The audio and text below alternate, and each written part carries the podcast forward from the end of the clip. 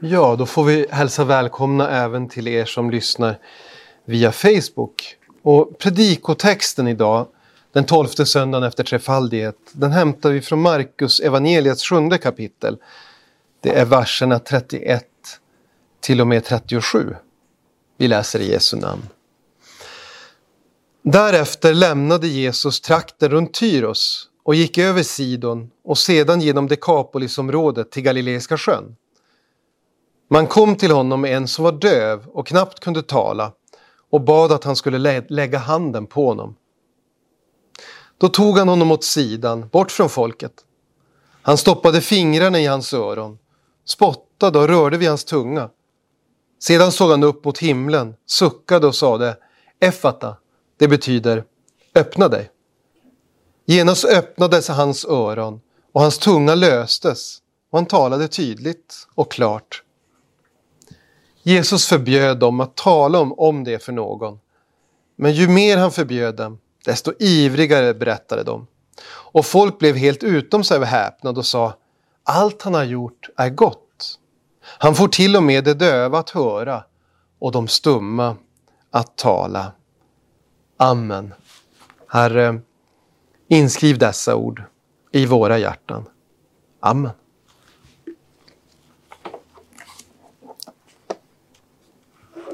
Temat för vår predikan idag det är Varför gör Jesus under?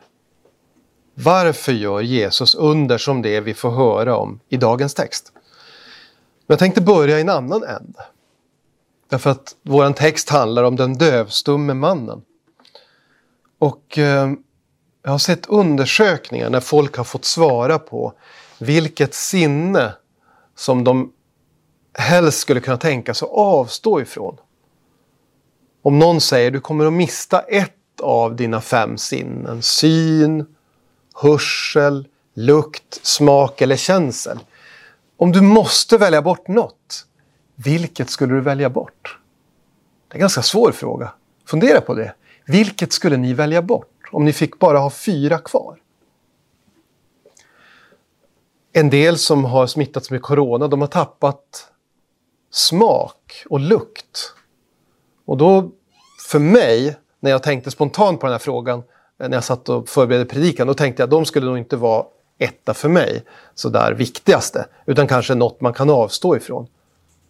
Men de som har fått avstå har sagt att det är jätte, jättetråkigt och inte känna någon smak när man äter. Och inte kunna känna doften av eh, blommor eller grönska på våren. Eller känna lukten av de man älskar. Alla sinnen är väldigt viktiga för oss. Så även hörseln förstås. En del av oss skulle nog tycka att det lät helt olidligt att klara sig utan musik. Varför gör Jesus under? Ja, det första som vi ska säga om det, det är att allt Guds ord måste gå i uppfyllelse. Och profetiorna säger att Jesus ska, Messias ska utföra sådana här under. Vi kan läsa i Jesajas 29 kapitel, då kan vi tänka 700 år ungefär innan Jesus föds som människa. Jesaja 29, 18. Då talar Jesaja om hur det ska bli när Messias kommer. Och så säger han Den dagen ska de döva höra bokens ord och de blindas ögon se ur dunkel och mörker. Messias skulle ge synen och hörseln åter. Och eftersom Gud är som han är, eftersom Gud är Gud, så kan han inte missta sig. Vi vet det tyvärr att som föräldrar så kan vi ibland lova någonting och så sen kan vi inte hålla det. Kanske sitter någon här och är lite bitter över något löfte som inte har hållits. Nästa lördag då åker vi till äventyrsbad. Juhu! säger barnen om de är tillräckligt små. Och så sen blir det lördag och så måste mamma eller pappa jobba. Chefen ringer och säger det här måste vara klart på måndag när du är tillbaks. Och så får man säga till sina barn, ja förlåt men vi tar det nästa lördag. Gud som är utan synd och utan fel och också utan begränsningar vad det gäller sin makt. Han kan inte ljuga eller missta sig. Han kan inte säga så här, Messias kommer att komma och han kommer att ge de stumma talet och de blinda synen. Och sen kommer Messias och så måste Gud säga, ja, så jag kanske, kanske lovar lite för mycket där. Så är det aldrig. Gud håller alltid sitt ord. Hans profetior uppfylls alltid, 100 procent av fallen. Och just det här att Jesus gör de här undren som uppfyller Gamla Testamentets profetior, de exemplen är så många så det hinner vi inte med här. De gör att de som känner Guds ord, de känner igen Jesus. De börjar snacka med varandra och säger så här, men eh, är inte det här just det Messias skulle göra? Står det inte i skrifterna att när Messias kommer så kommer de döva att höra, de stumma att tala och de blinda att se? Stämmer inte det här med det vi har fått lära oss om Messias? Ja, visst, ja, visst gör det det. Så undren fyller en bekräftande funktion. Att människor som lyssnar till Jesu undervisning och börjar fundera, är han Messias? Ser att även handlingarna, även hans verk bekräftar det. Ibland när människor är extra motsträviga och hånar Jesus och säger äh, Vem tror du att du är egentligen som påstår att du kan förlåta synder? Då tittar han på dem lite grann och så säger han Ni studerar ju skrifterna. De handlar ju om mig. Har ni inte läst att det ska vara just så här när Messias kommer? Ja. Gärningarna bekräftar vem Jesus är. Om vi funderar på en konstig sak. Hur kan man känna igen någon som man aldrig har träffat eller sett på bild? Hur kan man känna igen någon som man aldrig har sett? Det är ganska svårt. I gamla filmer så säger folk ibland när de ska träffas Jag har en röd nejlika, finns det sådana? Vit nejlika kanske? I knapphålet. Ja, och så kan man hitta fram till varandra kanske. Hur kan man känna igen någon man aldrig har sett? Det står i Bibeln att Jesus såg ut som en vanlig människa, en vanlig jude. Det var inte så att när folk såg honom så direkt bara, oj, vilken glow! Här kommer det någon väldigt speciell person. Det var inte så. Men däremot så kan människor känna igen de här handlingarna, de här gärningarna som de har läst att Jesus ska utföra. Så på så sätt kunde människor känna igen Jesus. De som var troende och så väntade på att profetierna skulle uppfyllas.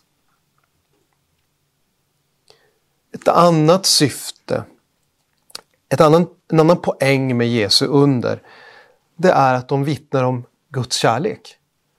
Tänkte ni på det i dagens text? Hur människor reagerar på Jesu under. De säger inte bara oj, märkligt alltså, hur gjorde han det där? Det borde vara omöjligt. Utan de säger så här, allt han gör är gott. Allt han gör är gott. Och det är en poäng med undren. Även för de som inte var så pålästa.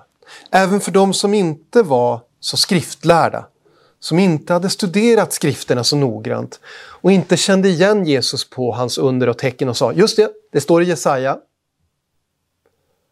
Även de kunde förstå, det är någonting på gång här. Hur formas vår uppfattning om andra? Har ni tänkt på det? Vad gör att ni tycker si eller så om en viss person? Vad gör att man ser upp till den ena och kanske nästan föraktar den andra? Det är väl en rad olika saker. Det är vad andra tycker, vi påverkas av andras uppfattningar. Det är våra egna erfarenheter, interaktioner. Är någon otrevlig mot mig, kanske flera gånger, då påverkar det vad jag tycker, eller hur? Om någon ger mig fantastiska gåvor varje gång vi träffas så påverkar det också, eller hur? Människors uppfattning om Jesus formades av dels vad som sades om honom. Allt han gör är gott. Ryktet spred sig i Galileen, står det i Bibeln. Människor fick höra om en person som var någonting alldeles extra och som botade sjuka och som förlät synder. Så ofta när Jesus kommer till en by eller ett samhälle, då, då har folk redan hört talas om honom. Och de samlas bland annat för att de är nyfikna. Men vår uppfattning om andra grundas ju också i den relation vi har till dem. Och de som fick möta Jesus och de som fick se honom bota sjuka, de som fick höra honom uttala förlåtelse för alla synder, de glömde inte det.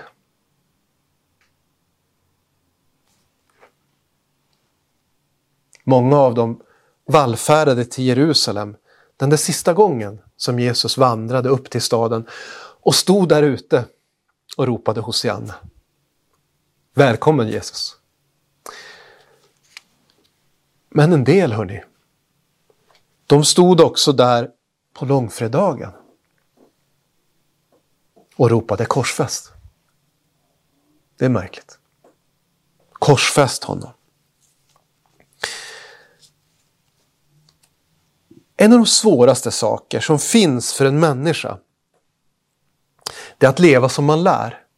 Ni känner till det uttrycket, att leva som man lär. Alltså, att leva i enlighet med sina värderingar. Att göra det som man själv säger att man tycker är gott. Och avhålla sig från i det som man själv tycker är ont. Det är svårt. Att leva som man lär. Vi förstår att man ska det och vi blir upprörda när andra inte gör det. Om en politiker säger det är viktigt att betala skatt för att samhället ska ha råd med att ta hand om de sjuka och svaga. Och samma politiker sen fuskar med skatten, då blir vi jättearg, eller hur? Eller om en polis bryter mot lagen, då tänker vi så där kan man inte göra. Men om vi går till oss själva, hur ofta är det som vi kanske säger, till exempel till våra barn, man får inte ljuga. Det är fult att ljuga, man ska alltid tala sanning. Talar vi alltid sanning?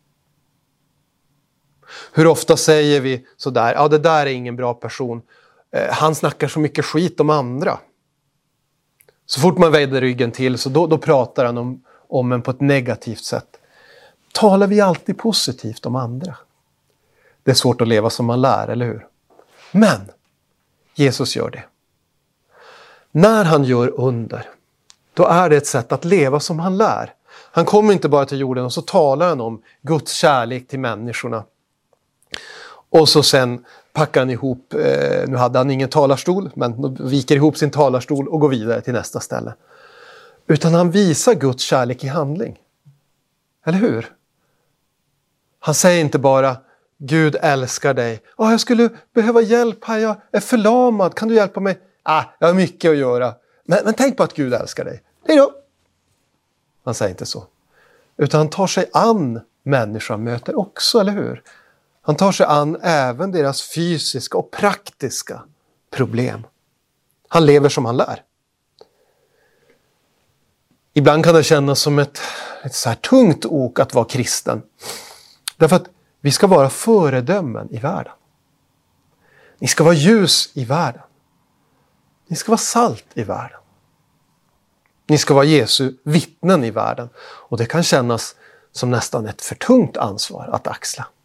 Att representera Jesus. Bland annat genom att leva som man lär. Tänk vilket ansvar Jesus hade. Vad hade han att leva upp till? Han var ju Guds enfödde son.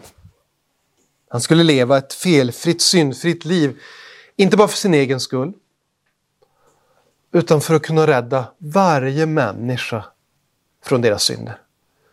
För att, för att vinna förlåtelse för varenda människa som har levt och som kommer att leva och som lever idag. Det är press, hörni. Det är därför som Jesus gör under. För han vill visa Guds kärlek i handling. Men sen är det naturligtvis så också att Jesus vill hjälpa. I den här välkända liknelsen om den barmhärtige samariten som hjälper mannen som har blivit rånad och misshandlad nästan in till döds och ligger vid vägkanten blodig och sönderslagen. Då berättar Jesus om en präst och en levit. Det var ju en del av det judiska folket som tjänstgjorde i templet, en av stammarna. Folk med högt anseende i Israel som bara går förbi. De har inte tid att hjälpa. Jesus vill alltid hjälpa. Jesus hjälper inte för att han förväntas hjälpa. Eller för att han, han känner press på sig. att eh, Jag kanske borde ändå, alltså egentligen har jag inte tid, men ja, ja. Utan Jesus vill hjälpa. Och det är så trösterikt för oss därför att då förstår vi att han också vill hjälpa oss med våra problem. Vi ser i Bibeln hur han hjälper både de som har högt anseende som den romerska officeren eller medlemmarna av det stora rådet. Men också de som är föraktade och svaga som Sackeus eller Maria från Magdala. Han hjälper därför att han vill hjälpa och han vill också hjälpa dig och mig idag. Och det tydligaste beviset på Guds kärlek, det är ju Jesus själv. Eller hur? Att den andra personen i gudomen tar mänsklig gestalt, föds som människa. För att leva som människa. Det hade du inte behövt göra. Det är väl lite schysstare att få vara Gud och bara härska. Men han föds som människa och han blir frestad i allt liksom vi, men utan synd. Han uppfyller lagen i vårt ställe. Och så vandrar han upp till Golgata. Också i vårt ställe. Och så får han de där spikarna inslagna i händerna och fötterna för att vi ska slippa. Och så ropar han Fader, jag överlämnar min ande till dig. Och så ger han upp andan. Han överlämnar till och med sitt liv. Det är det största beviset på Guds kärlek och på sätt och vis det största undret. Så Jesus vill alltså göra under, dels för att uppfylla profetierna i Gamla Testamentet, för att visa att Gud tar aldrig fel, för att människor ska känna igen honom och för att de som inte känner igen honom ska fundera. Äh, vem är det här egentligen? Jag borde lyssna här på undervisningen. Men ändå så är det så här. Och det kan uppfattas som en motsägelse. Jesus vill inte dra uppmärksamhet till undren. Har ni tänkt på det? Det finns flera anledningar till det, men vi kan läsa vad det stod här i Markus kapitel 7. Jesus förbjöd dem att tala om det för någon, alltså det här undret. Men ju mer han förbjöd dem, desto ivrigare berättade de. Varför förbjuder Jesus, det händer på fler ställen, varför förbjuder Jesus lärjungarna att berätta om hans under? Som sagt, det finns flera anledningar. En anledning, en anledning är att han vill undvika allt för stor uppmärksamhet från Stora rådet. Jesus vet att ju större uppståndelse det blir kring honom och ju fler som öppet följer honom, ju mer otåliga börjar Stora rådet bli och ju ivrigare blir de att döda honom. Jesus vill inte ha allt för bråttom med att bli korsfäst. Han vill hinna ta sig an människor, han vill hinna träffa kvinnan vid brunnen. Han vill hinna kalla Sackeus. Han vill hinna undervisa lärjungarna så att de ska kunna föra budskapet vidare. Så det är en anledning. Men han vet också att för att han ska kunna ha tid med annat än att bota sjuka, för att han ska få tid att undervisa och tala om Guds kärlek och varna människor från det som är farligt och falskt och uppmana till det som är sant och gott, då kan han inte ägna all sin tid åt att bota sjuka. Det arbetet skulle aldrig ta slut, eller hur? Han vill ha tid också för att undervisa.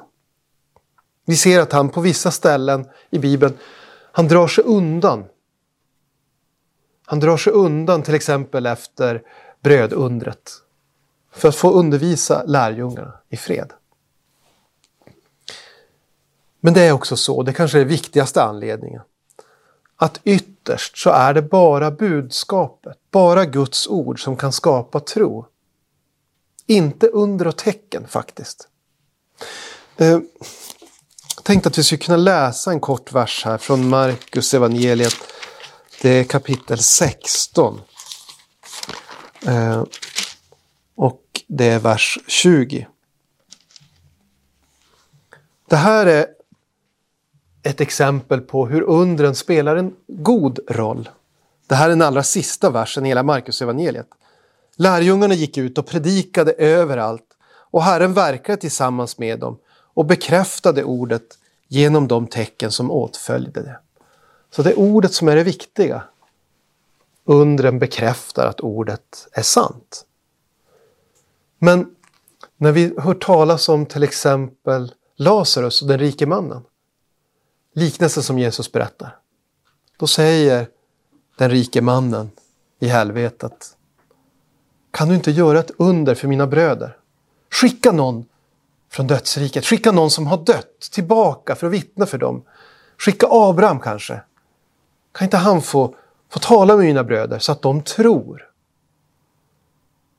Och då säger, eh, då får han höra beskedet och budskapet. Inte ens om någon kommer tillbaks till, från de döda så kommer de att tro. Om de inte tror på budskapet. Om de inte tror på budskapet. Och precis så var det med Jesus, eller hur? Han uppstod från de döda och de som hade liksom förhärdat sitt hjärta, stängt sitt hjärta, de sa det är nog bara rykten det där. Det är nog något lurt. Det är kanske lärjungarna som har rullat undan stenen och stulit kroppen. Inte ens det allra märkligaste under skapar tro. Men Guds ord skapar tro. Ibland kan till och med undren och tecknen bli ett problem. I Matteus 24, jag tänkte avsluta här med att läsa den 24 versen. Jesus säger så här. Falska messiasgestalter och falska profeter ska träda fram och göra stora tecken och under för att om möjligt bedra även de utvalda. Alltså, tecken och under kan ibland leda fel. Förlita inte på dem, säger Jesus. Till sist. Jesus kommer till världen och gör en lång rad under för att rädda oss. Vi var andligt dövstumma. Som den här mannen i texten som är fysiskt dövstum. Vi kunde inte höra och förstå Guds budskap. Vi kunde inte vittna om honom förrän han omvänder oss, uppväcker oss, upplyser oss med sitt ord. Utan Guds nåd så kan vi inte förstå evangelium. Vi kan redogöra för det. Man kan göra en skoluppsats där man förklarar Bibelns lära. Men att verkligen förstå det, att verkligen tro på det, då krävs ett Guds under. Endast ordet kan verka detta i våra hjärtan. Endast den heliga Ande. Idag, hörni, så har vi förmåga att lyssna och förstå och vittna om Guds ord. Vi kan tala om Guds väldiga gärningar. Vi kan tala om Guds kärlek som han bevisar till oss på så många olika sätt. Allt ifrån skapelsen ända till idag. Det stora, att han skapade stjärnor, vår sol, våran planet, alla djur, växter, människan. Det stora, men även det lilla, att han varje dag bär oss i sin hand. Att han ger oss ny kraft när vi är svaga. Att han hjälper oss när vi ber till honom. Även det är ett under. Och även det är ett tecken på hans stora kärlek. Varför gör Jesus under? Jo, för att han vill att vi ska känna Gud så som han är. Mäktig och kärleksrik. Amen. Låt oss be. Käre Herre Jesus Kristus. Vi tackar dig för att du vittnar om Guds kärlek i dina gärningar, det du gör. Hur du möter människor, hur du behandlar dem och hur du räddar dem. Tack för att även vi får innefattas i den gruppen. Tack för att även vi har fått lärt känna din kärlek. Du vet att vi ofta brister i vårt kristna liv. Vi ber dig att vi ska återspegla din kärlek gentemot våra medmänniskor. Hjälp oss att vittna både i ord och i handling om att du är så god. Det ber vi i ditt heliga namn. Amen.